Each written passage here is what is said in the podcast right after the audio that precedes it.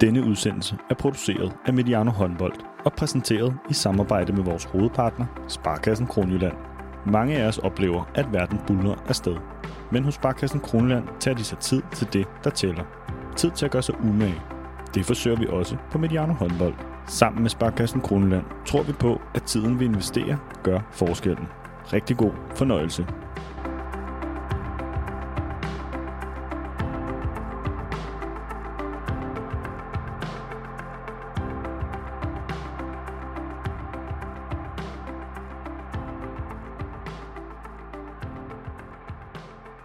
Velkommen til Mediano Håndbold. Vi er i IKAST i IBF Arena, er det ikke det, det hedder, Kasper? Jo. Jeg skal nok lige introducere dig, men jeg vil bare lige sige, at bag ved os øh, træner et, øh, et dygtigt ungdomshold, så hvis man kan høre lidt, lidt bolde og lidt harpix, så er det derfor. Vi er lige nu hos IKAST Håndbold på besøg hos en af tør jeg godt sige lige nu, Europas fremmeste klubber. Vi skal møde træneren i spidsen for den formidable gruppe spillere, og Kasper Christensen. Velkommen tilbage til Mediano Håndbold.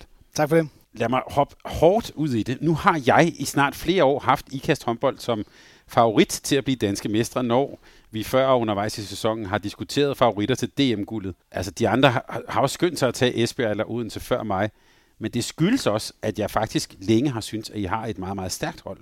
Så Kasper, er det i år, jeg får ret? Det håber jeg. Altså, jeg synes også, vi ligger lige på tasken til at lige at få et øh, gå et step længere, og, og jeg synes også, at vi har været øh, tæt på. Øh, jeg er blevet spurgt mange gange allerede den her sæson, om det lige er nu, og om det er nu, at vi kan tage det sidste skridt, eller det næste skridt, og, og, og selvfølgelig er det det, fordi sidste år, der stod vi jo hvad, kvarter før tid i semifinale 2, og førte med tre år uden, så havde tingene sådan set i vores egne hænder. Så når man er et lille kvarter fra at ramme DM-finale, så øh, i sidste sæson, så kan vi selvfølgelig også gøre det i år. Så vi tror, vi tror på os selv, og synes også, at vi, ja, jeg synes, vi gør det godt.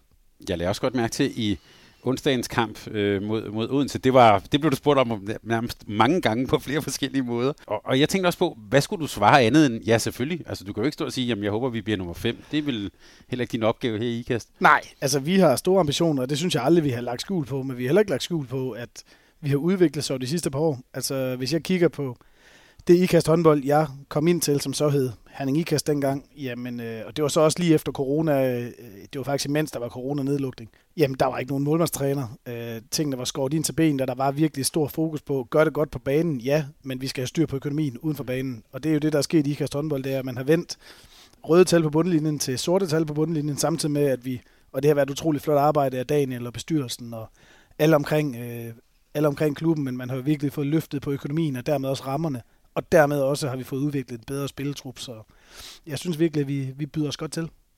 Og vi sidder og taler sammen her øh, et par dage efter øh, topopgøret mod Odense. I morgen skal I spille jo det traditionsrige opgør mod, øh, mod, mod Viborg, og forleden var der så ovenikøbet også Champions League, øh, hvor I slog øh, Krim Ljubljana her hjemme i IKAST.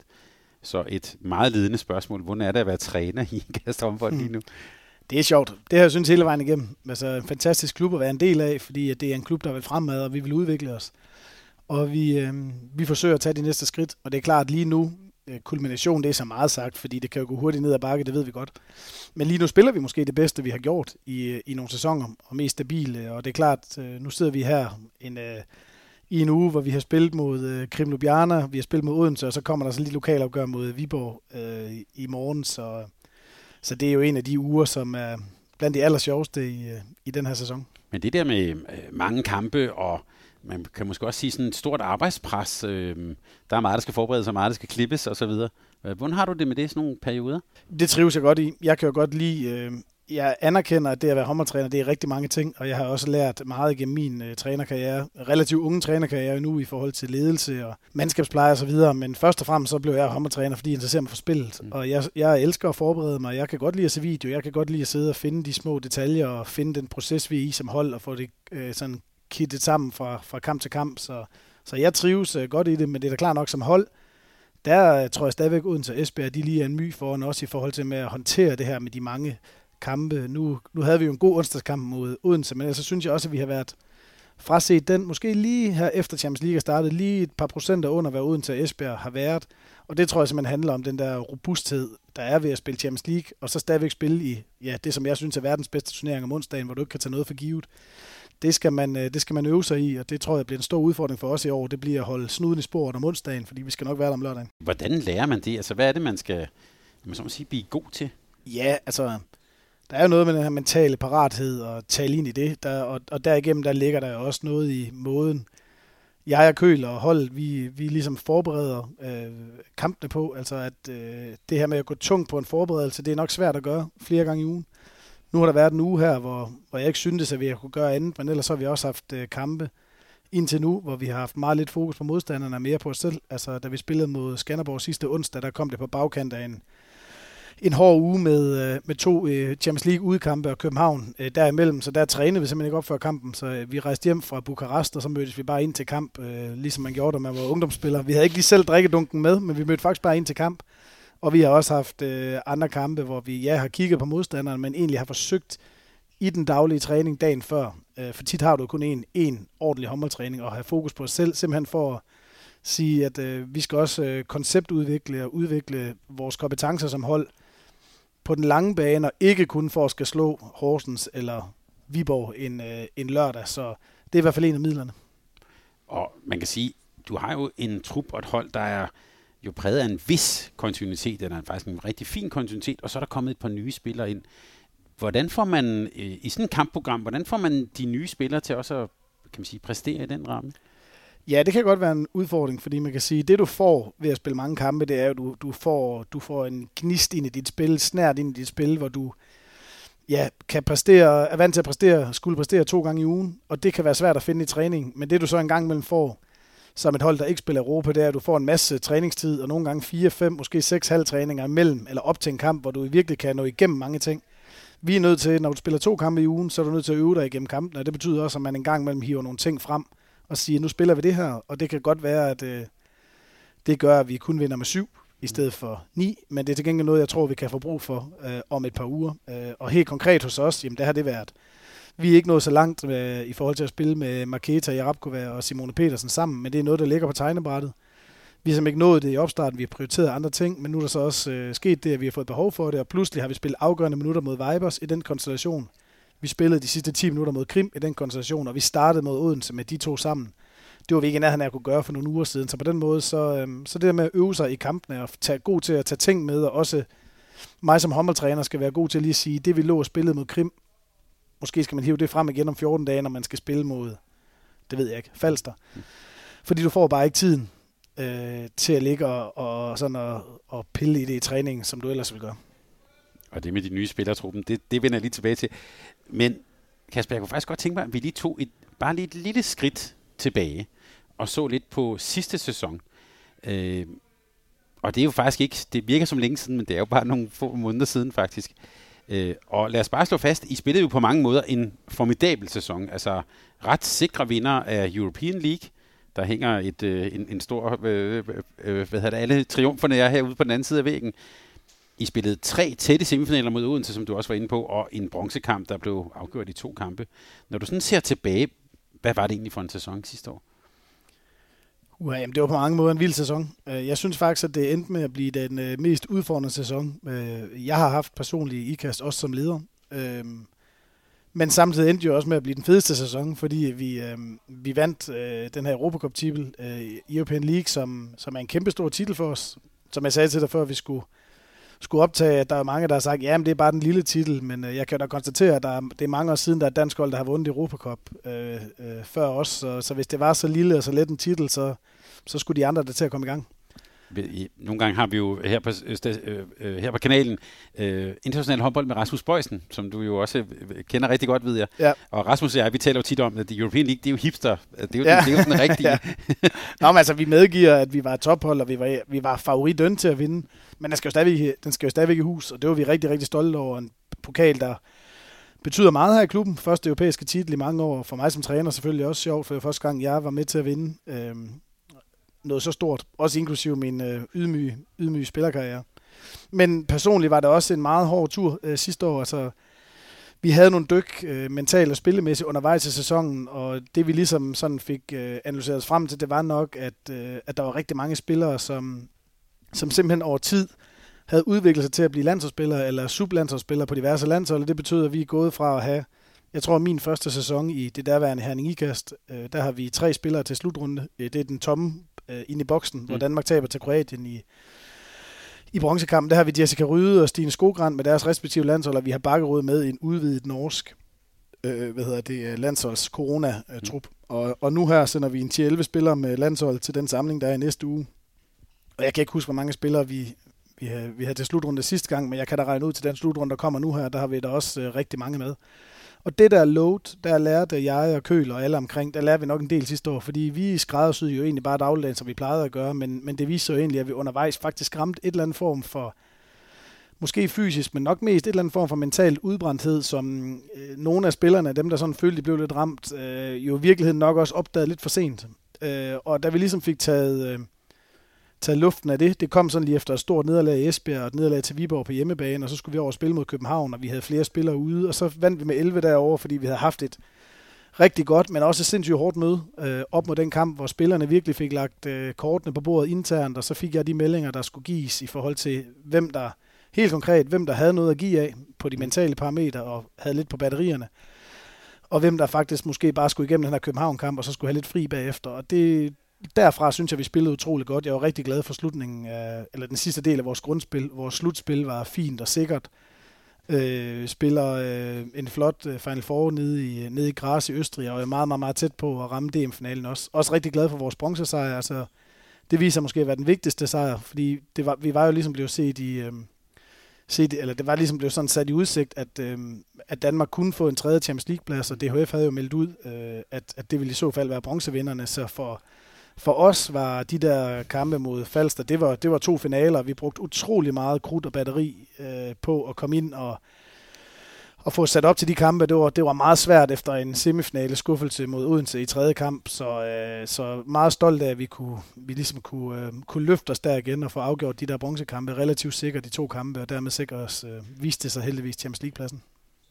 Jeg synes, det var, jeg synes, det er interessant, det du siger med, øh, øh, altså det her med det møde, I havde der, eller det, det lyder næsten som sådan en form for, for vendepunkt. Øhm, hvordan arbejder man sig derhen, hvor det er, altså det, der, der, der skal jo en vis psykologisk sikkerhed, vil nogen ja. sige, eller man kan også bare sige en, en, simpelthen en ærlighed, eller ja. nærmest også skrøbelighed. Ved at, altså hvis jeg kommer og siger til dig, ja. jeg er faktisk lidt færdig lige nu. Ja. Øhm, Jamen altså konkret, så, så, så er jeg utrolig stolt af, at vi kunne håndtere det på den måde, fordi jeg er enig med dig i, at det viser også en, og det viser også på bagkant, at når spillerne så efter en tur, hvor vi er gået til hinanden, øh, kan tage til København og vinde med 11, det viser jo en, øh, altså en tillid til mig og trænerteamet øh, fra spillersiden. Og jeg synes også, at vi, vi viste øh, en sårbarhed øh, over for dem om, at nu skulle vi altså have på bord, hvem der hang. Og helt konkret, så var det sådan, at efter vi havde tabt til Viborg, jeg tror det var en aften, der sad jeg og Køl og fik en øl sammen med Stine Skogran, og, og Stine er en, som jeg bruger meget. Stine er vores anfører i forhold til hvor vi lige henne, og, og det var Stine, der ligesom sagde, at i stedet for at træne i morgen, så tager jeg lige et møde med holdet, og fik, så det var ligesom Stine, der blev organisator på det, vi holdt os væk. Og så tror jeg nok, at det boblede noget mere over, end vi nok havde set komme, fordi så var der ligesom skabt den der base for at få alt på bordet. Det viser sig så, at der var flere spillere, som simpelthen ikke havde det overskud, de plejede at have, og egentlig måske også havde lidt den der øh, følelse af udbrændthed, lidt håndboldtræthed på et mm. tidspunkt, hvor vi alle sammen egentlig kigger hen mod, at nu skal sæsonen afgøres. Det er nogle runder inden slutspillet, det her. Og konkret var det også sådan, at Stine så lige tog et par spillere med ind til mig, og så hjalp dem med lige at få, få det her afleveret øh, i en gruppe. Daniel var der også. Lars Gansel, vores bestyrelseformand, var der, og så lavede vi ligesom plan frem mod København-kampen. Vi fik givet lidt fri på bagkant, og så så synes jeg ligesom, at øhm, proppen røg af flasken derfra, vi fik løftet spillerne igen. Øh, og det er også noget, vi har brugt øh, ind i den her sæson. Det er også derfor, når jeg siger, at vi ikke trænede frem mod Skanderborg-kampen, så er det ikke disrespekt over for Skanderborg, fordi de har jo faktisk været sindssygt gode i år. Mm. Men simpelthen bare en erkendelse af at sige, okay, nu har vi haft en uge, hvor der har været virkelig meget tryk på. Vi er nødt til at finde en dag eller to i det her program. Og det kan være svært, når der er kampe hele tiden, hvor vi siger, så må vi møde ind til en onsdag og spille kampen, som vi nu kan spille den, uden at have forberedt os. Til gengæld har øh, spillerne lige mulighed for at øh, lave en styrketræning selv, eller få halvanden døgn med kæreste familie, uden at de skal, de skal se på, på mig, der skal stå og fortælle dem, hvordan de laver centerkryds. Så, så, og det er noget, vi kommer til at dyrke hen over sæsonen, at vi tæt kampprogram, ja, men der skal, vi skal finde de der mentale frirum, og det, det synes jeg, det var noget af det, vi lærte øh, sidste år. Og med den viden, du har nu, så, så kan du næsten allerede nu stille ud og frem til det, der for, kommer til at foregå, for du har jo, som du selv nævnte, mange, der skal til slutrunde, og også nogle danske landsholdsspillere, som, hvor jeg tror sådan, det mentale pres på dem, uanset hvordan pokker vi vinder og drejer det, det bliver stort i, i, i, i december. Så med den viden, du har fra sidste sæson, hvordan må du så... Nu ved du det jo. Ja, jo, men det er jo noget, med, det er noget af det, vi er begyndt at kigge lidt ind i nu. Altså blandt andet det her med en fridag, og sådan prøve at få have en god dialog i dagligdagen. Men jeg tror også, det handler om, at, at bevidstheden nu også er øget ved de spillere, som var ramt, fordi det, som er den anden version af det her, det er jo også, at det at være elitesportsudøver på det her niveau, det er monster hårdt, og det er hårdt øh, mentalt. Du spiller rigtig mange kampe, så det er både mentalt og fysisk en belastning. Der er rigtig mange, der har en holdning til dine præstationer. Øh, det er, du er til eksamen mange gange i, øh, i, i en sæson, og, øh, og, så, og så samtidig så det her med at skal ind, øh, man kan tage de danske landsholdsspillere, men vi har jo også svensker og nordmænd, øh, nordmænd, som skal spille på hjemmebane. Dog ikke hele vejen, sådan som jeg lige øh, kan huske VM's øh, opbygning her. De kommer hertil. Jeg har jo hørt, at der er 3.000 nordmænd, der har købt billet ja. til finalen. Ja, ja. De, de, har, de har stor selvtillid med rette jo. Øhm, men men, men det, er, det her har jo også været med til at og, hvad skal man sige, booste spillernes egne bevidsthed, øh, egen bevidsthed om, jamen hvad er det for nogle ting, øh, jeg ser ind i? Og det kunne jo være, at man, øh, nu kan jeg bruge Emma Fri som et eksempel, det er ikke fordi det er Emma, men øh, lad os bare kalde, kalde hende Emma, fordi hun er trods alt øh, rimelig sikker på at spille slutrunde, tror jeg. Jamen det kunne være, at Emma Friis, hun skal sørge for, at de ting, hun får i hendes private kalender, når slutrunden er slut, det er det, der er vigtigst for hende. Det kunne være en kæreste eller familie, eller en øh, bytur med nogle veninder, hvad ved jeg. Men det kunne jo også godt være, at man skulle få sagt fra til nogle ting. Noget af det, vi også har arbejdet med her, det er jo vores spillere, ligesom i alle mulige andre klubber, så er de jo også ude og skulle bidrage i vores talentmiljø eller børnehåndboldmiljø som gæstetræner eller ud og skrive autografer. Og der, der har jeg da opfordret nogle af de danske landsholdsspillere til at gå nu ind til Ida eller Karoline ind på vores kontor og så sige, at det her autografskrivning, eller hvad jeg skal ud til, det vil jeg faktisk gerne have overstået i september eller oktober, eller måske marts måned, i stedet for at de ryger ud til autografskrivning øh, fem dage efter, de kom hjem fra øh, et eller andet vild VM-boble, hvor man ikke har været hjemme i en måned. Så, så jeg synes ikke, det er ikke kun jeg har lært noget, og vi har lært noget her i Ikast håndbold, øhm, fordi vi også blevet dygtigere og fået dygtigere spillere. Men jeg tror egentlig også, at spillernes egen robusthed, den er også blevet boostet af det her, og det tror jeg kommer til at hjælpe os i den her sæson. Hvor loadet jo er endnu større. Der er endnu flere kampe, der er endnu flere store kampe. Og det har vi jo allerede kunne mærke lidt i den danske liga, at det der med at skal stramme sig an en onsdag hjemme mod Aarhus United, det, det, det kræver også noget, når du lige har været i øh, spil mod Vibers, eller har været i Mets, eller hvor du ellers har været henne den der rolle, Stine Skogran, det, det, det synes jeg lyder interessant. Er det en, hun har fået, eller en, hun har taget? Eller, altså, det er jo en meget moden... Ja. Øh... Jamen, Stine, Stine, Stine er en, der tager ansvar. Sådan er det også, når den måde, jeg ønsker at, at lede på, der, der, der skal ansvar være noget, man tager, og ikke noget, der bliver givet. Og det ved jeg godt, det kan lyde lidt som kliché, fordi der er jo også nogen, der kvæg en rolle ind på banen, har et lidt større ansvarsområde, end, end så mange andre. Øhm, men, men Stine var anfører her, da jeg startede, og, og, øhm, og det fortsætter så med, og, og jeg synes bare, hun, øh, jamen, jeg synes faktisk, hun er den perfekte anfører. Altså hun, øh, hun har en rigtig god øh, relation ind i spillertruppen, og, og evner både at være den, en af dem, der går forrest på træningsbanen, men også at have nogle gode menneskelige kvaliteter. Og samtidig så har Stine en robusthed og en ro over sig. Kvæg, altså en flot, et flot spiller-CV, jeg har prøvet rigtig meget, især med det norske landshold er blevet mor øh, til, til to børn og, øh, og øh, har måske en anden ro omkring øh, modgang end, øh, end andre har, og det kan jeg også selv skrive under på som, øh, som øh, forældre, at, øh, at de der nederlag, øh, de gør faktisk mere ondt for 3-4 år siden. Nu har min ældste datter, hun er, hun er lige fyldt 3, altså nu er der bare ikke tid til det på samme måde, så du får jo, du får jo en anden... Øh, et andet livs øh, overblik, jeg næsten lige vil sige. Hele den der modenhed og mental robusthed, som Stine hun har, det gør hende bare til, til en perfekt, øh, en perfekt anfører. Så hun har en stor rolle her i Kastanbold. Så det at blive forældre gør faktisk bedre leder, bedre, bedre spiller måske lige frem? Ja, det ved jeg ikke. Nu hørte jeg, jeg kan ikke huske, om det var BT's podcast, der joke, som politiske podcast, der joker lidt med, at politikerne de har lært at sige, at når de er modgang nu, så er, det, så er, det først og frem, så er de først og fremmest fædre, fordi så er det sådan en, så kan man ikke rigtig komme efter dem. og jeg har da også set, øh, jeg har også joket nogle gange med herrehåndboldspillere om, at når man har tabt med 10 på hjemmebane, så er det altså med at få barnen på armen igennem halven, der inden man skal på tv, fordi så, nå ja, men de også.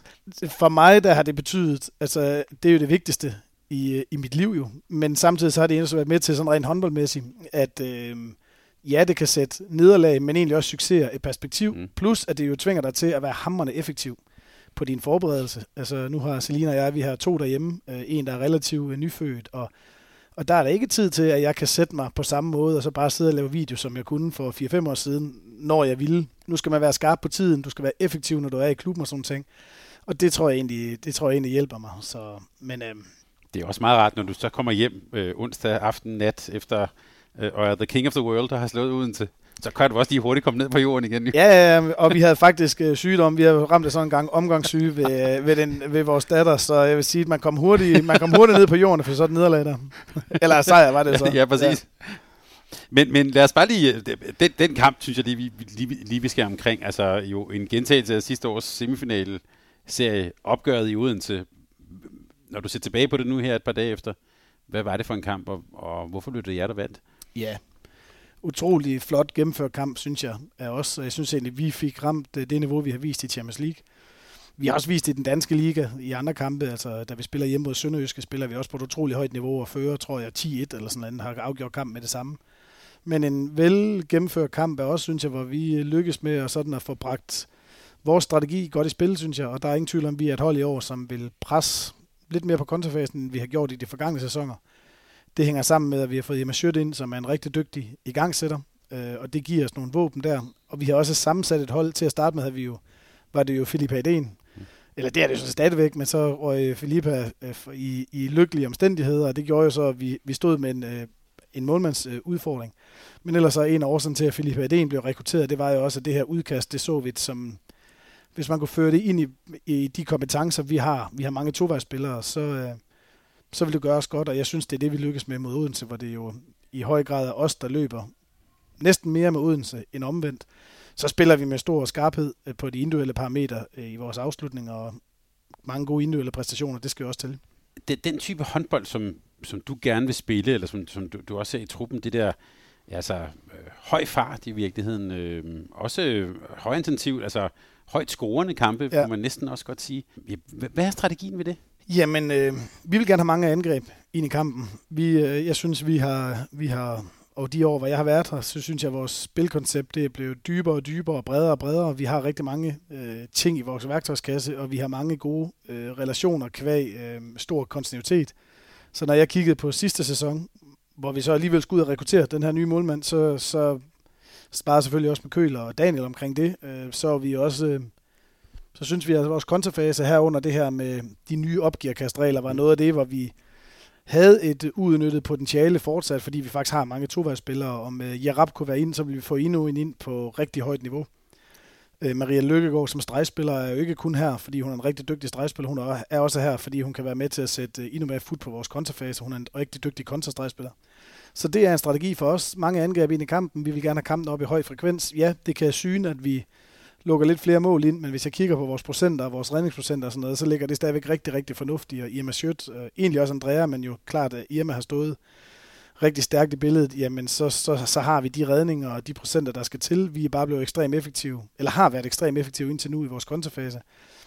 Og, øhm, og det der med, at øh, modstanderne ved, at de skal lave rigtig mange mål for at slå ikast, den bevidsthed, den kan vi godt lige spille ud fra.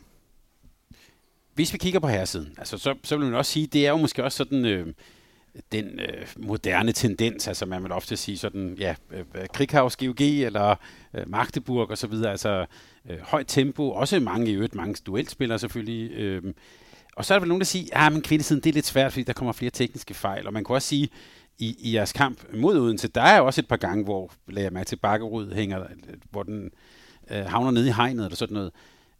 Men det er vel okay i, din, i det billede, eller hvad? Ja, det er det, fordi vi har de kompetencer, vi har. Altså, det er jo vigtigt at sige, at vi løber ikke kontra, fordi vi synes, det er sjovt. Vi løber kontra, fordi vi tror, at det er, det er måden, vi kan vinde på. Altså, vi, og, og, og herunder ligger der også, at vi har nogle pasningsstærke og nogle boldsikre spillere. Vi har også nogle spillere, som har nogle kompetencer i den fase, i duelspillet, i skuddene, som kan være svært at nå at forberede sig defensivt godt nok på i den givende situation, hvis du er presset på, også lige skal nå hjem og, og komme i bund. Så det er et udtryk for kompetence, og, og, og vi, øhm, vi vil gerne spille med få tekniske fejl. Det forventer vi faktisk af os selv, at vi spiller med få tekniske fejl, fordi jeg er også den holdning at sige, ja, det er fint, vi vil løbe kontra, men hvis, hvis vi skal spille mod eller slå Esbjerg eller Odense, så, så vores chance for at slå Esbjerg, hvis vi kaster 6-7-8 bolde i havet i kontrafasen, den er markant mindre, fordi så, øh, så, får, øh, så får de øh, flere afslutninger på mål, end vi gør, om øh, Rejstad og Brejstøl og Mørke sidder, så det er ikke sikkert, at det er nogen rigtig god idé. Så der ligger jo en balance der igennem. Men vi synes, at vi har kompetencen til at kan trykke rigtig meget på vores kontrafase med få fejl, og det er det, vi gerne vil. Hvordan træner man det i, sådan, i en, jeg øvrigt en travlt, ja. som vi talte om? Altså, det er jo noget, man skal blive god til. Ja, altså vi træner det ikke. Altså vi træner det i opstarten i forskellige kontestationer, som du kender fra alle mulige haller. Så har vi en strategi for, hvordan vi vil gøre tingene, har nogle konkrete ting, vi ligesom kan, kan måle på. Så har vi bruger vi rigtig meget video, eller evaluering, altså på vores video evalueringer, også i en opstart, der ligger der nogle ret fornuftige kontrablokke også, hvor vi ligesom kigger på, at her skal vi skubbe lidt længere frem, øh, her skal bakken måske øh, vente lidt mere på bolden, her kan vi måske komme i et kryds, hvad ved jeg. Så jeg vil egentlig sige, det fylder rigtig meget øh, i opstarten, og så øh, er det noget her i det her kampprogram, vi snakker om, udvikler på, ser et par klip på, men først og fremmest har en fælles bevidsthed om, hvordan vi vil, øh, hvordan vi vil gøre det. Og det tror jeg er nøglen i en kontrafase. Altså det er svært at være et rigtig dygtigt kontrahold, hvis der er fire, der synes, de skal løbe, og en, der skal der vil tage det roligt, og så en stregspiller, der skal ud og have harpiks på fingrene. Altså, og det, det tror jeg, det er forskellen på gode kontrahold og knap så gode kontrahold. Det er den der bevidsthed om, at alle de her situationer, her løber vi, men jo også en god bevidsthed om, hvornår tager vi det roligt. Og det, jeg tror, det er der, vi lige nu øh, gør det godt, det er, at vi, vi kommer trumlende med, med seks mand, og vi har en dygtig igangsætter i Amasjøt, som, som hvad man sige, vi har ligesom bevidstheden om, at hver gang vi har muligheden for at løbe en modstander, så vil vi gøre det. Jeg vil også lige spørge dig om den her øh, Champions League-kamp mod Kreml Ljubljana, som jo blev afgjort med, ja, hvad, to-tre sekunder igen. Hvorfor, hvorfor, hvorfor vinder I sådan en kamp der? Det, det er godt nok et godt spørgsmål. Jeg vil sige, jeg synes faktisk, at halvlejesresultatet løg en smule. Vi var bagud 18-14, som jeg husker det ved pausen, men vi er egentlig plus en uafgjort, plus to i de første 20 minutter, og så har øhm, så får Krim virkelig fingrene i os i de sidste 7-8 minutter af første halvleg. Jeg kan også sige noget 7 mod 6, som måske kostede et par mål ned i, ned i tom mål. Og havde den der pause, eller første halvleg været et par minutter længere, så tror jeg, så tror jeg ikke, du har stoppet med de fire, fordi vi var virkelig i knæ der.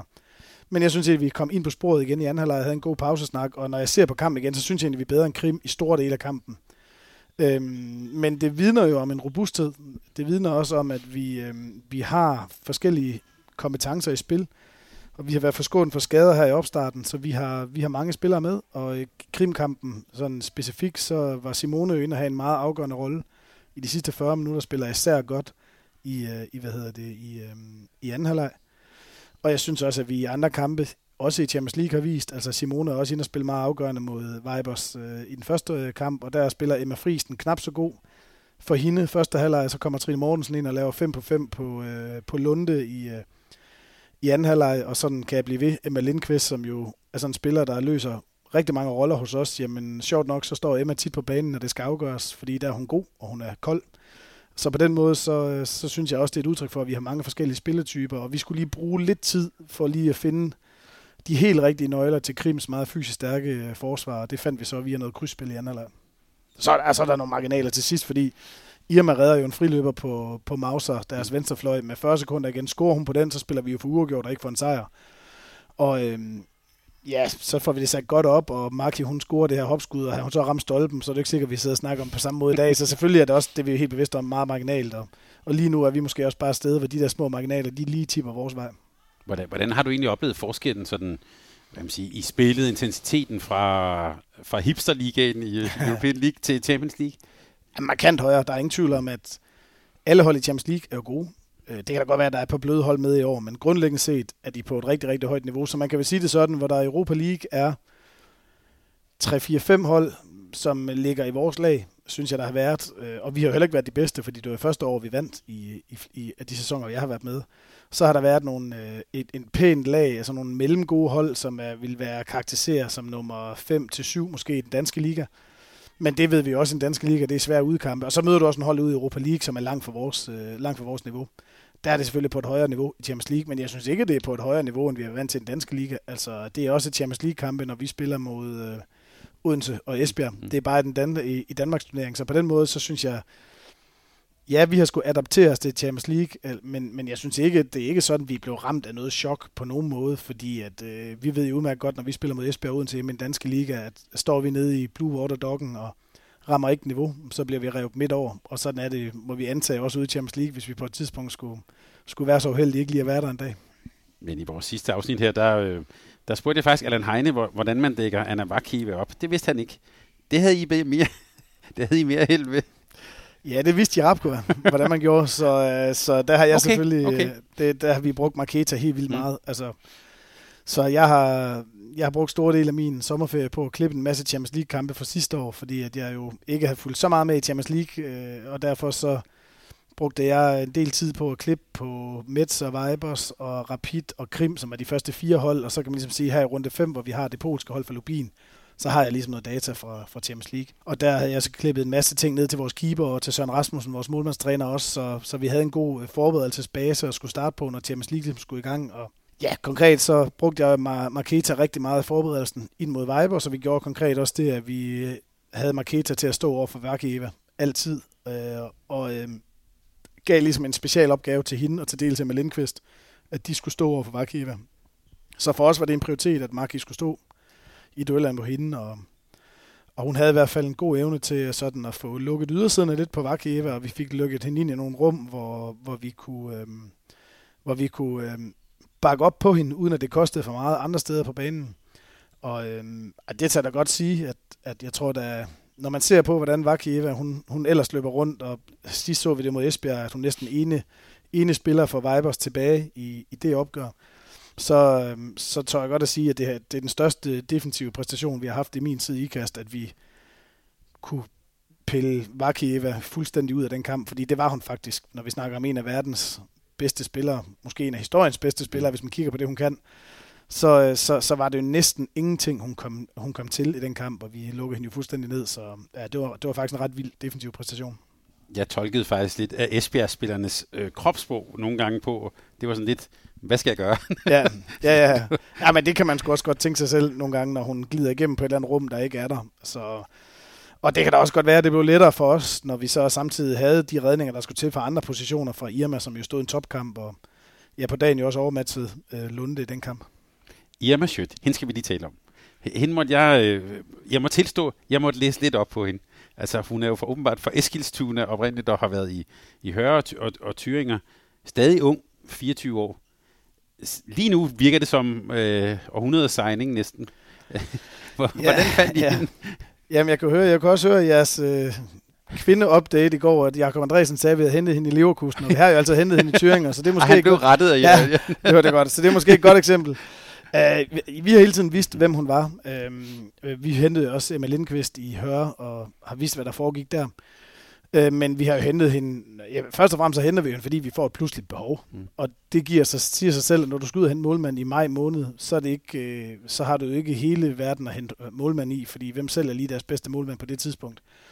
Vi har set ret meget på Irma fra Europa League, fordi jeg havde klippet rigtig meget ned på Thüringer, som vi stod til at skulle møde i semifinalen og der stod Irma stod rigtig meget i Europa, og mener jeg var, var hun to, tre eller to eller tre på redningsprocentlisten efter Jessica Ryde øh, i, i den turnering. Så vi havde et godt billede af hende, og så, øh, så var det ligesom hende, vi sådan forhørte os omkring, fordi vi, vi vidste til situationen nede i Thüringer, at de, øh, at de stod til at skulle have tre målmænd, fordi de har en tysker nede i forvejen, og så havde de så fået hentet Dina Ekkerle hjem fra, fra Esbjerg. Så, øh, så, så så ud fra det, vi havde set der, ud fra de valgmuligheder, der var, der er jo ret mange spillere, vi fik pitchet, så, så var det Irma, vi gik efter. Søren Rasmussen kiggede ret intens på hende, så vi er faktisk ikke overrasket over, at hun har gjort det godt. Vi vidste også, at hun var en dygtig igangsætter, og vi vidste også, hvor vi troede på, at hun kunne få mange redninger, men hun har selvfølgelig overrasket os positivt i forhold til den stabilitet, hun har stået på. Altså hun har stået på et stabilt, meget, meget, meget højt niveau, og særligt ude i Champions League har hun jo været decideret afgørende for os. Så jeg sidder ikke her og skal slå selv på brystet og sige, det vidste vi bare en til en, for jeg tror egentlig også, at Irma har overrasket sig selv. Men det er en utrolig interessant case. Det er en spiller, som er meget trænerbar. Hun har ikke rigtig været i et miljø med, med målmandstræner før. Hun har været i nogle meget dårligere miljøer, tør jeg godt sige, end IKAST. Øh, men hun har så til gengæld fået den fordel, hun har lært at redde bolde. Og det er ikke, øh, jeg tror godt, du kan finde målmænd, der er lidt højere niveau, øh, for eksempel teknisk, end Irma. Men Irma, hun har bare lært at, at redde bolden, og derfor så oplever jeg også, at hun er ekstremt trænerbar fordi at Søren, altså tilvinding til den danske liga, bedre forsvar foran sig, og så Søren Rasmussen som målmandstræner, han kan virkelig gå ind og, og, og, og sådan pille ved de små detaljer omkring hendes stil, og, og jeg oplever, at Søren Rasmussen og, og Irma, de, øh, de virkelig er med til at løfte hendes niveau sammen. Jeg er absolut ikke øh, øh, målmandsspecialist, men jeg kunne ikke lade være, faktisk i den der kamp mod Odense, lade mærke til nogle af hendes sådan positioner fra fløjene, virkede sådan lidt uortodoxe. Ja. Øhm, men det er måske, i virkeligheden er det hendes styrke måske? Ja, jeg var jo faktisk ikke helt tilfreds med nogle af hendes positioneringer. Så, og Søren var jo ikke med for os i Odense. Han er, han, han er jo også målmandstræner i TTH Østerbro, mm. så, så der, hvis vi spiller samtidig, så er han der. Så, så jeg havde faktisk også lidt fat i Irma i første halvleg, for jeg synes, hun blev lidt for defensiv på nogle af fløjskuddene. Okay, men ellers så, så har jeg ikke set helt forkert. Nej, du har ikke set helt forkert. Men ellers så synes jeg faktisk, at Irma, hun, hun har stået utrolig godt på fløjskud og yderside baks og så videre. Hun er, hun er en taktisk stærk målmand, rigtig dygtig øh, på hendes forberedelse, og det er jo, det er jo enhver, øh, enhver målmandstosse kan jo forberede sig. Mm. Det er jo ikke så meget i, men det her med at kan bruge forberedelsen og vende tilbage til den, også i momenter, hvor du er ude af kampene, der synes jeg, at Irma hun har et, øh, et rigtig godt edge i forhold til nogle af hendes øh, målmandskonkurrenter. Fordi det, der har vist sig, det er faktisk, at hun er jo bedst, når det gælder. Altså Irma har været meget afgørende for os i, periode, i afgørende perioder, og hun har også haft kampe mod Krim på udebane mod Mets, faktisk også i midtugen mod Skanderborg, hvor vi lige pludselig kom en lille smule problemer. Der har hun sådan stået en halsløg første del af anden halvleg, men så er meget afgørende til sidst, og det er det historik, vi har på Irma indtil nu. Hun kan faktisk godt være ude af kampen, men komme tilbage og være bedst, når det gælder. Så øh, ja, det, vi, vi er meget glade og selvfølgelig også positivt overrasket over, hvor, hvor hurtigt hun ligesom har fået et højt niveau her i IKAST. Men hun er jo altså ja, 24 år, og specielt måske for en målvogter. Hun er jo stadig ung, øh, og har mange år, mange år for. Man kan vel også forestille sig noget, øh, ja, at stabiliteten måske bliver en ting. Men i, i sådan et miljø som jeres, hvor der også er, kan vi sige, et stort præstationspres, er det også et læringsmiljø, eller hvordan kan det være et læringsmiljø? Ja, det er jeg ret sikker på, hun synes i hvert fald. Mm. Altså, jeg er helt sikker på, at hun, øh, hun allerede nu har fået nogle input og nogle målmandstekniske vinkler og, og en anden øh, tvungen til en anden frihed. Altså, jeg oplevede måske lidt, at Irma, hun, hun gik lidt mere på nogle rene skabeloner, øh, da hun kom hertil, og var måske også oplært til, at når der er en bak, der skyder her, så skal du gå kort, og når der er en bak, der skyder her, så skal du gå langt, og sådan arbejder vi ikke. Der skal hun gå på det, hun ser, eller på det paraden eventuelt tilbyder hende. Og så tror jeg også bare, at øh, det her med at komme ind i et miljø, hvor der er en bedre sundhedssektor, der er styr på den fysiske træning, der er målmandstræner et par gange i ugen, der er en målmandstræner, der hvis Søren han har travlt og også er optaget andre steder, så er det stadigvæk en målmand, der er med på forberedelsen og analysen før kampe, og måske et par klip på bagkant, så foregår det måske bare online, eller i en messenger-tråd, eller hvad ved jeg. Jamen, det er jo bare med til at flytte hende, så, så det, det tror jeg bestemt. Og jeg synes da også, at vi har en track record for at gøre spillere bedre, der kommer til IKAST. Det kan være, det er held, men det kan også være, det ikke er. Jeg kan i hvert fald konstatere, at vi har fået relativt mange spillere, som har fået større roller på landshold, og eller har fået debut over de sidste par år. Det må være et udtryk for, at øh, mange af de spillere, der lander her hos os, de også øh, ja, bliver bedre i IKAST. Ja, for hun skal jo også afsted nu her i... Ja, det skal hun. Ja. På, på bekostning af, af Jessica Ryde, som jo stod hos os i mange år. Det kan der være mange årsager til. Altså, det kan jo være, at de kommer Irma i møde for nogle utrolig flotte præstationer på, på højt niveau i Champions League. Så på kort sigt er hun helt sikkert berettet til at være med. Det kan jo også være på lang sigt, at de kigger lidt ind i, at øh, som du siger, hun er 24 år, hun har mange gode år foran sig nu. Det har de nu også andre unge målmænd i Sverige, øh, men, men har måske også en målmand i, ej, nu skal jeg ikke sidde og fælde øh, håndboldmæssigt dødsdommer over bunsten, fordi hun er en verdensklassekeeper, så jeg er faktisk på vej ud af et spor, som ikke er okay. Men lad os sige, at hun ikke har 6-7 år tilbage i sig som første målmand i Sverige. Det kan jo godt være, at, øh, at det ikke er tilfældet. Så kunne det også godt ligge noget strategi at få en ung målmand mere med ind i hele det her hele den her målmandsgruppe, også fordi at til jeg tror, Irma er betragtning til VM, men om hun er med til VM, det kan jeg jo ikke vide noget om. Men i det tilfælde, hun skal være en af tre målmænd til VM, så er der faktisk også til VM ofte lidt flere bløde kampe, end der er til EM. Og derfor så kan VM måske, og jeg siger måske, fordi jeg har jo ikke prøvet det som landstræner, men måske være nemmere faktisk at give nogle udviklingsminutter til en lidt bredere trup end til DM. EM. Aldrig undervurdere Bundsens øh, lange ben og øvrigt. Nej, nej, nej. Og, og i øvrigt også en, en, som i gang sætter. Nej, jeg er sindssyg mand. Hende har vi haft problemer med mange gange. Jeg håber, hun fortsætter mange år endnu. Det vil jeg skynde mig at sige. Øh, Kasper, vi har næsten øh, øh, talt sammen nu i sådan øh, 5-36 minutter, og jeg tror kun, du har nævnt hende en gang, men jeg, du, du skal lige sætte nogle ord på øh, Marketa Jerebkova. Altså, øh, set udefra, og det gjorde vi også i vores op, optag til sæsonen, øh, en kæmpe spiller, der er kommet til dansk håndbold. Øh, og måske også en af grundene til, at nogen sådan, øh, øh, apropos det vi startede med at tale om, øh, også jo ser med spænding på, hvordan det går i IKAST i år. Hvad er det for en spiller, der er kommet til den danske liga? Jamen, en topspiller og et topmenneske. Altså, øh, det er faktisk det, jeg vil øh, fremhæve først med Marketa, fordi det kan folk jo ikke vide i omverdenen, men hun er en, øh, en holdspiller i yderste potens. Altså, hun, øh, hun gør det, der skal til for holdets bedste. Hun har ingen stjernenykker øh, overhovedet, øh, så når Marketa for eksempel i nogle kampe har kun haft en forsvarsrolle, i nogle perioder. Måske fordi Simone eller en anden lige har været et niveau højere på givet tidspunkt i en kamp angrebsmæssigt. Så er det bare den rolle, Marketa hun øh, udfylder, til, til, og altid med, med hold for øje, så det har været et utroligt positivt øh, indspark at få hende ind øh, som menneske. Og så har hun jo selvfølgelig har hun jo en indiskutable kvalitet, og det har hun jo vist i et par sæsoner nu, og hendes tid oppe i Vibers var jo tæt på perfekt. Hun øh, kan jo lave mål ud af ingenting. Hun kan lave mål på mange forskellige måder. Hun er utrolig bold, øh, boldsikker og afleveringsstærk i, i kontraspillet. En rigtig dygtig forsvarsspiller, men særlig fasen, kontrafasen, synes jeg, hun er meget undervurderet i, og en af de aller, allerbedste. Og så hørte jeg, øh, nu hørte jeg ikke hele jeres øh, øh, optakt, hvad hedder det, ej, var det ikke, øh, afsnit her fra, fra kvindeopdaten, men, øh, men hørte dog, at Martin Albersen sagde, at hun var cool, eller var bedst, når det galt, eller et eller andet noget af den stil, og det er jeg enig med Martin i. Marketa, hun det, og det har, det har vist indtil nu. Altså, hun er rigtig dygtig, når tingene de skal afgøres. Det var hun i Odense, det var hun i Mets, det var hun mod Vibers. Og sådan kan vi egentlig blive ved. Så, øh, så øh, det her med også at være bedst, når det gælder, det synes jeg, hun har vist flere gange, også for Vibers i Champions League, at hun tør afgøre det, og hun kan afgøre det, og det er, det er en stor kvalitet, der er blevet tilført ind på vores hold der. Ingen stjernenykker. Så får jeg næsten lyst til at stille det modsatte spørgsmål. Øh, ja, dels, det er jo ikke noget, man skal have, men i løbet af sådan en sæson her, er det også en af dem, der nogle gange måske på et eller andet tidspunkt lige skal lige slå i bordet og så sige, nu bestemmer jeg, eller altså...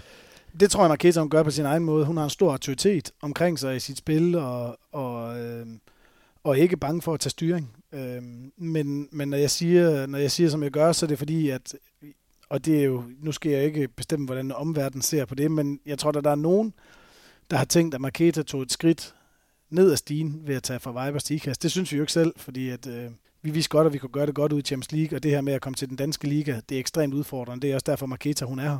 Men så kunne man jo godt sidde og tænke, at kommer der så en, som, øh, som sådan kunne være, hvad skal man sige, indirekte tænke, at nu er det mig, der handler om her, og I skal servicere mig, og sådan er hun bare ikke. Altså Maki, hun er, hun er virkelig en holdspiller, og og det er også med til at gøre hende til den topspiller, hun er, fordi hun kan, hun kan løse ufattelig mange roller i løbet af en kamp. Og i de kampe, vi har, vi har haft mere brug for Mark i angrebet end i forsvaret, så har vi kunne tage hende ud og dedikere hende lidt til noget angrebsspil.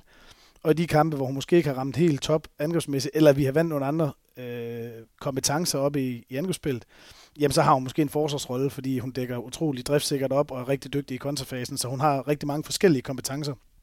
Og det er med til at ja, give os en bred palette at spille ud fra, som jeg siger det.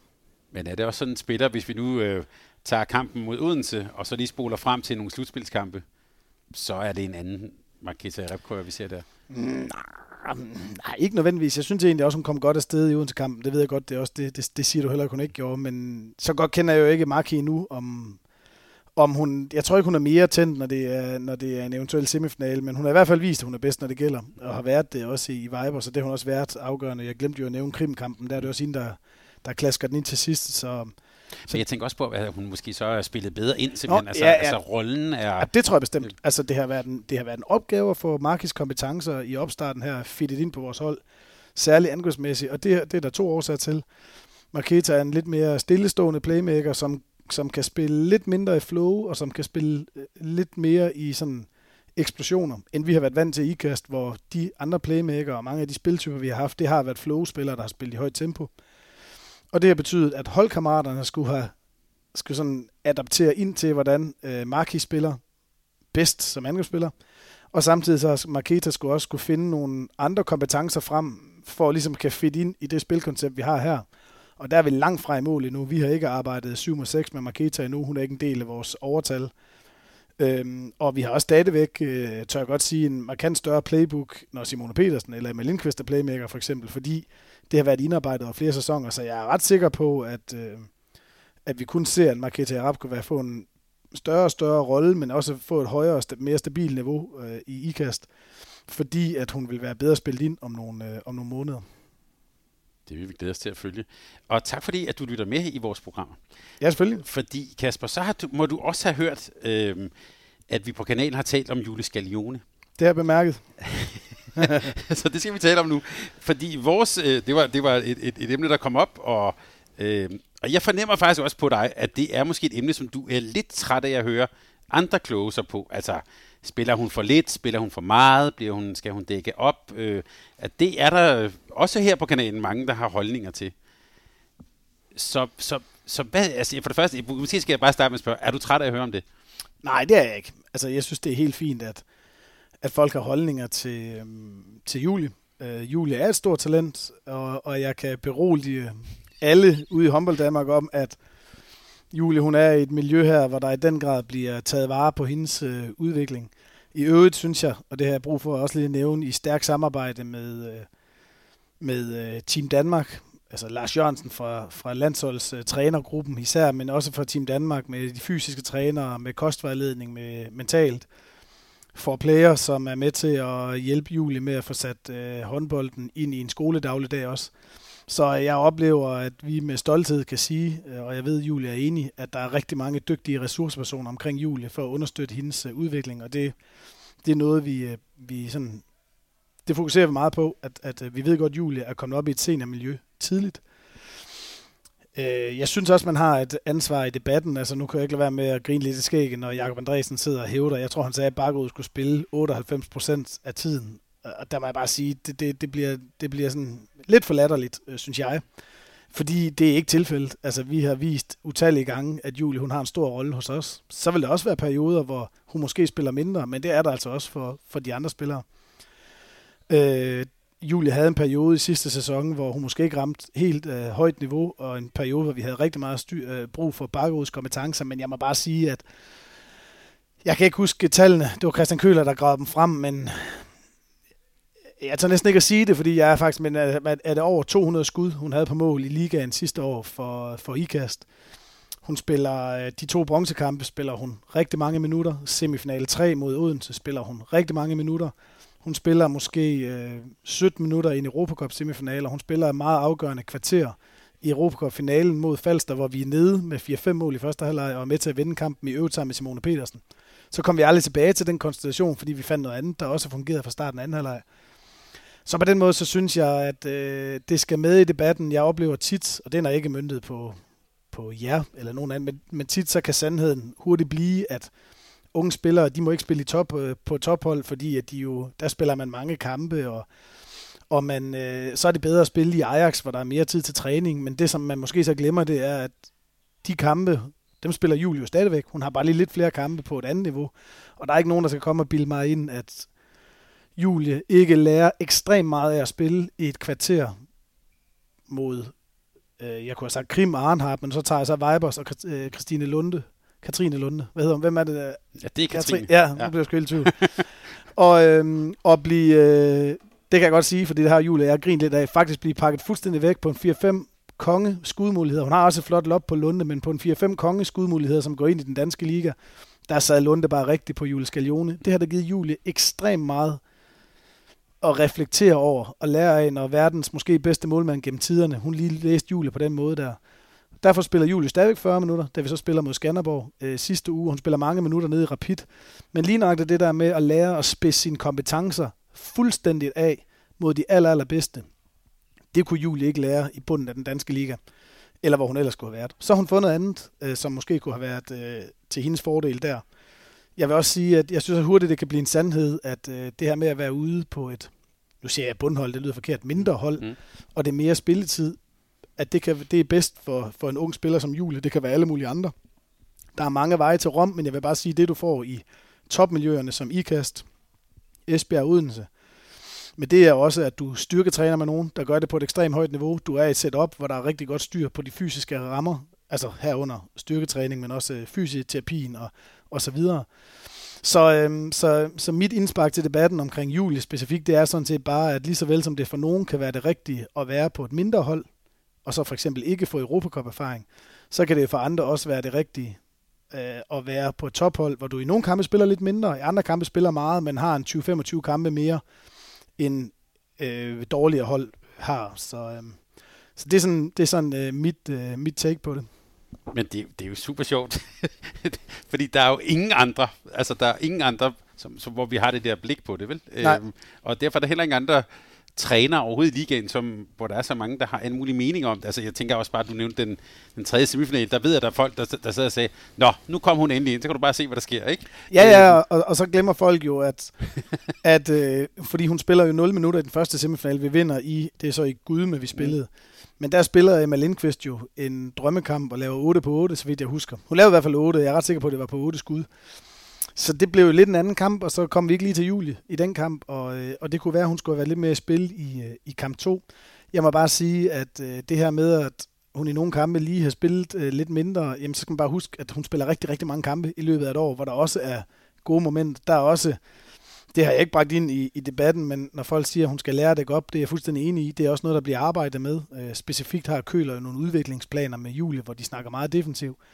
Men hun dækkede jo faktisk op i momenter sidste år. Hun havde kampe ude i Europacup og i Liga-kampe, der var afgjort, hvor hun kunne få lov til at dække to eller kunne dække frem i 5-1, og hun er faktisk blevet en mere og mere sådan integreret del af vores 5-1-forsvar.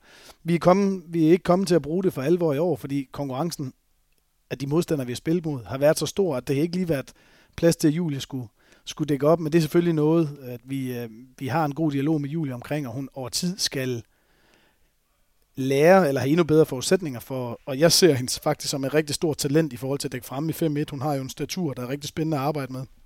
Så det kommer vi helt sikkert til at gøre brug af. Gode lange arme. Gode lange arme, ja. men, men det, øh, og, og tak for det, Kasper, det leder mig måske frem til sådan en mere, lidt mere bredt spørgsmål. Det der med, at øhm, øh, at have en ja, meget kompetent trup, der kan rigtig, rigtig meget. Mange landsholdsspillere, som du også, som du også er inde på. Altså det, det er jo sådan et spørgsmål, som Stefan Madsen også altid får, den der ledelsesopgave med at holde en stor trup i gang. Nu lige nu går det godt, Ja. øh, så der er det måske nemt.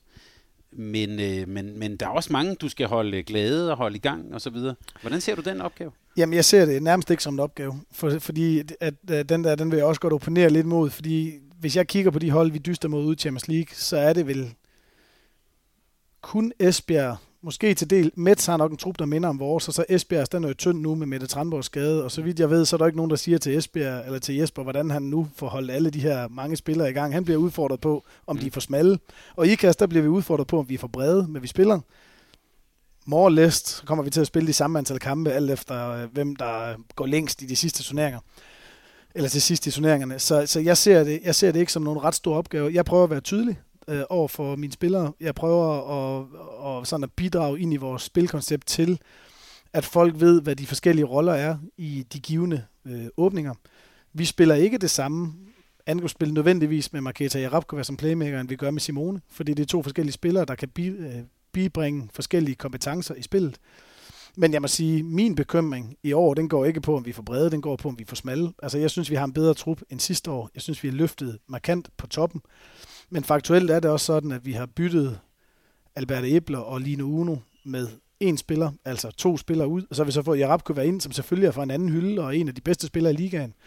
Men, men, men sidste år havde, var vi måske faktisk et nummer for brede, og havde svært ved sådan at få fundet øh, en skarp nok rolle til for eksempel Albert Ebler, som jo er et stort talent på højre bakke. Hun er svær ved at komme til, fordi vi havde, vi havde, der kom ikke nogen skader til undervejs af betydning, så, så vi kom ikke rigtig derhen, hvor vi havde behovet. Øhm, og der tror jeg da nok i år, med det kampload, vi udfordrer de mange landsholdsspillere og et OL til sommer, så tror jeg ikke, at udfordringen bliver for os, om vi skal holde mange i gang, så bliver udfordringen, om vi har kræfterne til Men- sidst også. Men jeg tænker faktisk også, altså jeg, jeg er med på, det, det var sådan, øh, bredde og, og, og, og spids, men jeg tænker egentlig også på sådan selve ledelsesopgaven. Altså du kan jo godt have landsholdsspillere, ja. altså, som også gerne vil vise sig frem og til Ja, VM og sådan noget, som måske faktisk ikke spiller en kamp. Øh, Ja.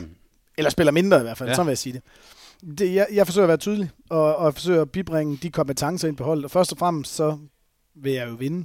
Mhm. Og det vil sige, at vi spiller med de spillere på dagen, vi tror på, lige passer bedst til den opgave, vi, øhm, vi står overfor. Til gengæld har jeg vist mange gange, at jeg tør også godt at mixe tingene, og jeg tror også godt, jeg kan afsløre, at måden, vi starter på i morgen mod Viborg, det er ikke den samme måde, som vi startede på mod Odense. Og den måde, vi startede på mod Odense, var jo ikke den samme måde, vi startede på mod Krim. Det kan det godt være flere gange i træk, men for mig der handler det om, hvilke kompetencer har vi brug for. Det handler om at være tydelig omkring det, også internt i truppen. Og så har vi i tale sat det her meget i løbet af sæsonen, at ja, der kan være nogen, der her i starten af sæsonen synes, at der var der lige 10 minutter mindre til mig her, end der, end der skulle have været. Særligt hvis vi ikke lige bliver ramt af skader, og det har vi 7-9-13 ikke været endnu, sådan for alvor.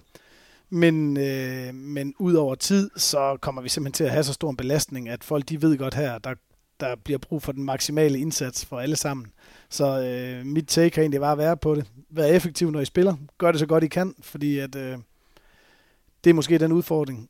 Nej, ændring, der er i forhold til sidste år, det er jo, at vi, vi har sådan seks rigtig gode bagspillere, som vi vil mixe rundt med. Der spillede vi måske en smule smallere sidste år. Og det her med, hvis vi lige tænker på, på, på toppen, der har jo været lidt den her sådan, næsten sådan strategiske tale om en meget stærk, men smal top i Esbjerg overfor den der stærke bredde i Odense, og, og jeg ved ikke, om du så vil placere jer sådan et sted midt imellem der, så, øhm, men, men det er jo forskellige sådan, udenbart ser det ud som sådan forskellige tilgang ja. i virkeligheden. Ja, jeg synes, vi læner os meget mere op af Esbjergs tilgang end Odenses tilgang, og ligger måske midt imellem. Vi, vi har nok lige haft en my bredere trup end Esbjerg antalsmæssigt. Øh, så har de så til gengæld haft den her fuldstændig vilde uh, topkvalitet. Men måden Odense gør det på i år, er i hvert fald langt væk fra måden, vi gør det på. Øh, og det, det bunder altså ikke kun i, at Odense selvfølgelig bruger markant flere øh, kroner på holdet, end vi gør. Fordi vi kunne også godt vælge at spare en spiller, en dyr spiller væk, og så ansætte tre mindre dyre. Men, men vi, for os er det vigtigt, at øh, vi tror på kontinuiteten, også i spillet, altså relationerne, og vil heller lige være brede nok til at kunne træne rigtig, rigtig godt, men til nogle kampe må potentielt være en lille smule smalle, men så til gengæld have et stort know-how til hinanden, og det synes jeg bliver interessant over i Odense, som har gjort det, må jeg bare sige, helt fantastisk godt her i starten, og det ligner jo, at Girkstad, han har fået, han skulle ikke bruge mange opstarter på at finde ud af, hvordan det der Odense hold skulle spille, og jeg synes, de har set rigtig, rigtig stærke ud, så jeg, og jeg har øvet også kun respekt for, at de formår at holde så mange spillere øh, i gang, for det de faktisk gjort, og det gav der hovedbrud i, i forberedelsesfasen på Odense, og skulle, skulle forberede mine spillere, og man skulle sådan gætte lidt på, kan vide, hvem de vælger i dag, og, øh, og hvem de ikke vælger. Men faktuelt har det været sådan, at der er jo landsholdsspillere i Odense, der engang med ikke på hold. Altså Andrea Hansen og Nina Darno har jo været ude af holdet. Nu er det så for en vettering, det antager det er, fordi hun er skadet. Og, og der vil jeg sige, det er i hvert fald en tilgang, at man har så bred en truppe, at man kan tillade sig, at landsholdsspillere de skal sidde på tribunen, så er man et godt stykke øh, fra den strategi, vi har her i IKAST i hvert fald.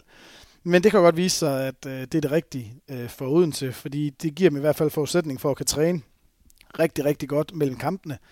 Og øh, Odense har i hvert fald en trup, der er polstret på en måde, at selvom de skulle få et par skader og har et par skader, så skal de nok have en ganske fornuftig, øh, ganske fornuftig holdkort at sætte på banen. Der kan vi og Esbjerg jo så være en lille smule mere presset, øh, hvis der kommer en alvorlig skade eller to. Det kan vi jo så evaluere på, når sæsonen er slut. Det er spændende at se, hvad men, der har været det rigtige. Men, men, men at, at, at de tre hold, altså skader, små marginaler og sådan noget, det, altså, det tror jeg ikke, man bliver håndboldprofessor på at sige, det bliver vel meget, meget tæt til sidst. Det håber jeg. Jeg synes i hvert fald, at vi har forudsætningen igen for at gøre det meget, meget tæt. Det synes jeg også, vi havde sidste år har vist det. Altså, har jo også været i tredje semifinale flere gange. Så, øhm, så jeg tror i den grad, at vi kan gøre det endnu tættere end sidste år, og ser også os selv som en endnu mere seriøs spejler til, til at kan gå i en finale. Eller kan slå Esbjerg Odense, øh, når vi skal møde dem. Vi får jo også en, øh, nu har vi det her første test i, i grundspil, så får vi jo jeg kan ikke huske, at det er fire kampe på 14 dage eller sådan noget med, mod Esbjerg, så der kan Jesper og jeg, der, vi behøver ikke kigge ret meget video mellem de kampe, men der kommer der i hvert fald en pokalkvartfinale, som også er sådan en, en finale. Så det vil jo også give et lille svar på, om vi er kommet tættere på, på Esbjerg, fordi vi har svært ved at slå Esbjerg i de afgørende kampe sidste år. Så, øhm, så jeg tror, det kan blive tæt, og jeg tror, det kan blive marginalt, og, øhm, og jeg ser også, at vi er tre hold, altså tre hold, altså jeg ser også som en del af den gruppe der også, der kan, der kan vinde noget. Øh, men det har jeg sådan set gjort i de sidste par år. Der har vi også bare samtidig sagt, at vi er ikke favoritter til det. Det synes jeg egentlig heller ikke, vi er. Men vi kan sagtens vinde det. Og jeg tror også godt, at Esbjerg Odense ved, at skal de møde os, og de ikke lige er der på dagen, så taber de. Hvad skal du lave i december?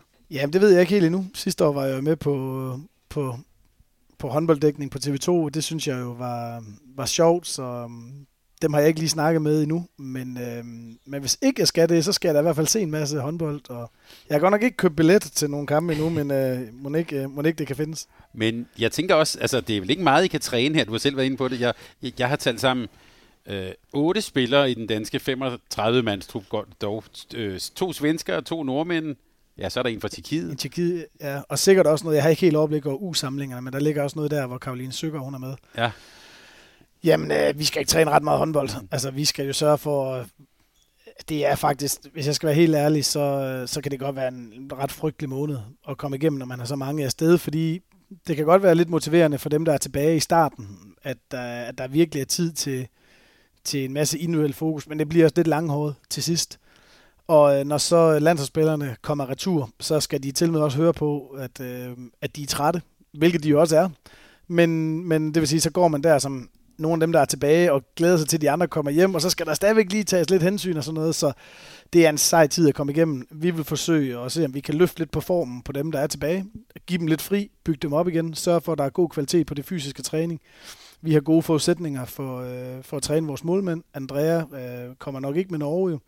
Vi må se med Irma, og vi må se, hvor langt Filippa Ideen er øh, i forhold til, til fødsel, om hun er tilbage der. Men det giver da i hvert fald mulighed for os for at arbejde lidt med målmændene og arbejde med nogle individuelle kompetencer med dem, der er tilbage. Men vi vil nok lave en dagligdag, hvor der bliver spillet håndbold et par gange i ugen, og hvor der så er to, måske tre fysiske pas samlet også, og så, og så fri weekender. Og bare til sidst, Kasper, så i rollen som ekspert og en, en, en vidende person, hvordan ser du slutrunden og måske også Danmarks chancer? Gode, det må jeg sige. Altså, jeg synes, øh, jeg, jeg synes, vi har et landshold, som øh, under Jesper og Lars' tid her, kun er blevet bedre og bedre fra slutrunde til slutrunde. Og også blevet mere og mere både robuste, men jo også rutineret. Det er klart, at øh, en game changer er nok så meget sagt, men det er slag, at Mette Tranborg ikke er der, fordi at der er jo rigtig meget logistik, der er løst for, på det danske hold med, med Mette Tranborg som en dygtig forsvarsspiller derovre. Hun kunne spille højre bak på lang bane, når man møder hold, der løber god kontra. Man kunne principielt bruge hende på fløjen, hvis det er, at Louise Burgård, hun spiller helt fantastisk og skal være inde, jamen så kan man have Burgård til at stå lidt på en fløj og Tranborg på en bak. Man kan bruge Mette Tranborg som en dygtig træer. Jeg synes jo, hun har vist sig nu så jeg Jesper udtale, at hun er en af verdens bedste forsvarsspillere, og det er jeg faktisk enig med ham i. Altså, øh, jeg, da min første sæson i, i IKAST, der kan der huske, når vi spillede mod Esbjerg, vi havde faktisk ret meget succes mod Esbjerg den sæson, der, der angreb vi faktisk en lille smule på Mette Tranborg. Dengang kunne man øh, lokke ind til at få nogle øh, udvisninger, og der blev skubbet lidt ned i bagnettet, og man kunne spille lidt på det. Jeg må sige, at øh, det er ikke mange angreb, øh, IKAST Håndbold lige har synes, det var en god idé at spille ned i hovedet på Mette Tranborg de sidste par år. Så jeg synes, hun løfter sig helt enormt defensivt, og det, det, det er et tab for Danmark. Men, øh, men jeg synes, vi står godt. Danmark kommer vel også til at spille på en, på en fantastisk øh, flot hjemmebane, og jeg tror, de andre skal være rigtig dygtige. Det er Norge nok også rigtig dygtige. Frankrig øh, er jo også gode i et OL-år, hvor alt ligesom skal times øh, for dem. Om det så kan få nogle kon- konsekvens til VM, om der er nogle spillere, der ikke skal med i forhold til belastning og skader osv., det ved jeg ikke. Sverige, synes jeg, ser solid ud, og så en lille dark horse, hvis man kan tillade sig at sige det om Holland, synes jeg, altså, uden at lige have set den hollandske trup, så, så dækkede jeg dem jo ned i Skopje sidste år, hvor de var lidt uh, skadesramt. Øh, øh, nu så er kommet tilbage. Ten det har slået igennem som den her meget afgørende første målmand, og de havde det hele taget. Ja, nogle små skader og var lidt tynde, synes jeg, ude i, uh, ude i bredden, og der, øhm, der kunne det godt ligne, at, synes jeg, at Holland, Lois Abing, tænker også tilbage. De, jeg tror også, de får en god slutrunde. Men vi kan også bare skære det ned til én spiller. Et, Katrine Lunde, det plejer at være dem, der har hende på mål, de vinder. Du har stået over for hende her. Var, er, er, har hun stadig den, den klasse? Ja, det, det er der ingen tvivl om, hun har. Det havde hun ikke nødvendigvis lige i kast den dag, men øh, det behøver vi nok ikke at lægge hende til last. Hun, hun, hun har en karriere, der retfærdiggør, men behøver ikke bedømme hende på én kamp. Ja, hun gør der stadigvæk en kæmpe stor forskel for Vibers og for Norge. Og øh, det norske landshold, det ser rigtig, rigtig stærkt ud, og jeg vil også, ja, nu har jeg ikke helt her, når, når vi sidder og snakker om det her, så er jeg ikke helt lige styr på, om der kan være noget i turneringsnøglen, der gør, om, om Danmark og Norge kan møde hinanden før, om de gør det, men øh, jeg vil ikke blive overrasket, hvis Danmark og Norge, de ender med at spille finale i, i boksen. Jeg vil næsten gå så langt som at sige, at øh, det er jeg ret sikker på, at de gør. Tak fordi vi måtte komme og besøge dig. Det var så lidt. Og der er jo bare at sige held og lykke med, der er kampe hele tiden, og masser at holde øje med. Tak. Tak fordi du lyttede til en podcast fra Mediano Håndbold. Hvis du kunne lide udsendelsen, så husk at abonnere på Mediano Håndbold, der hvor du hører din podcast. Så får du den seneste udsendelse serveret direkte til dig. Du må gerne fortælle dine venner om os, og husk at følge os på Facebook, Twitter og Instagram. Mediano Håndbold kan lade sig gøre på grund af Sparkassen Kronjylland. De er med Mediano Håndbold og det kvindelige danske landshold. Tak fordi du lyttede med.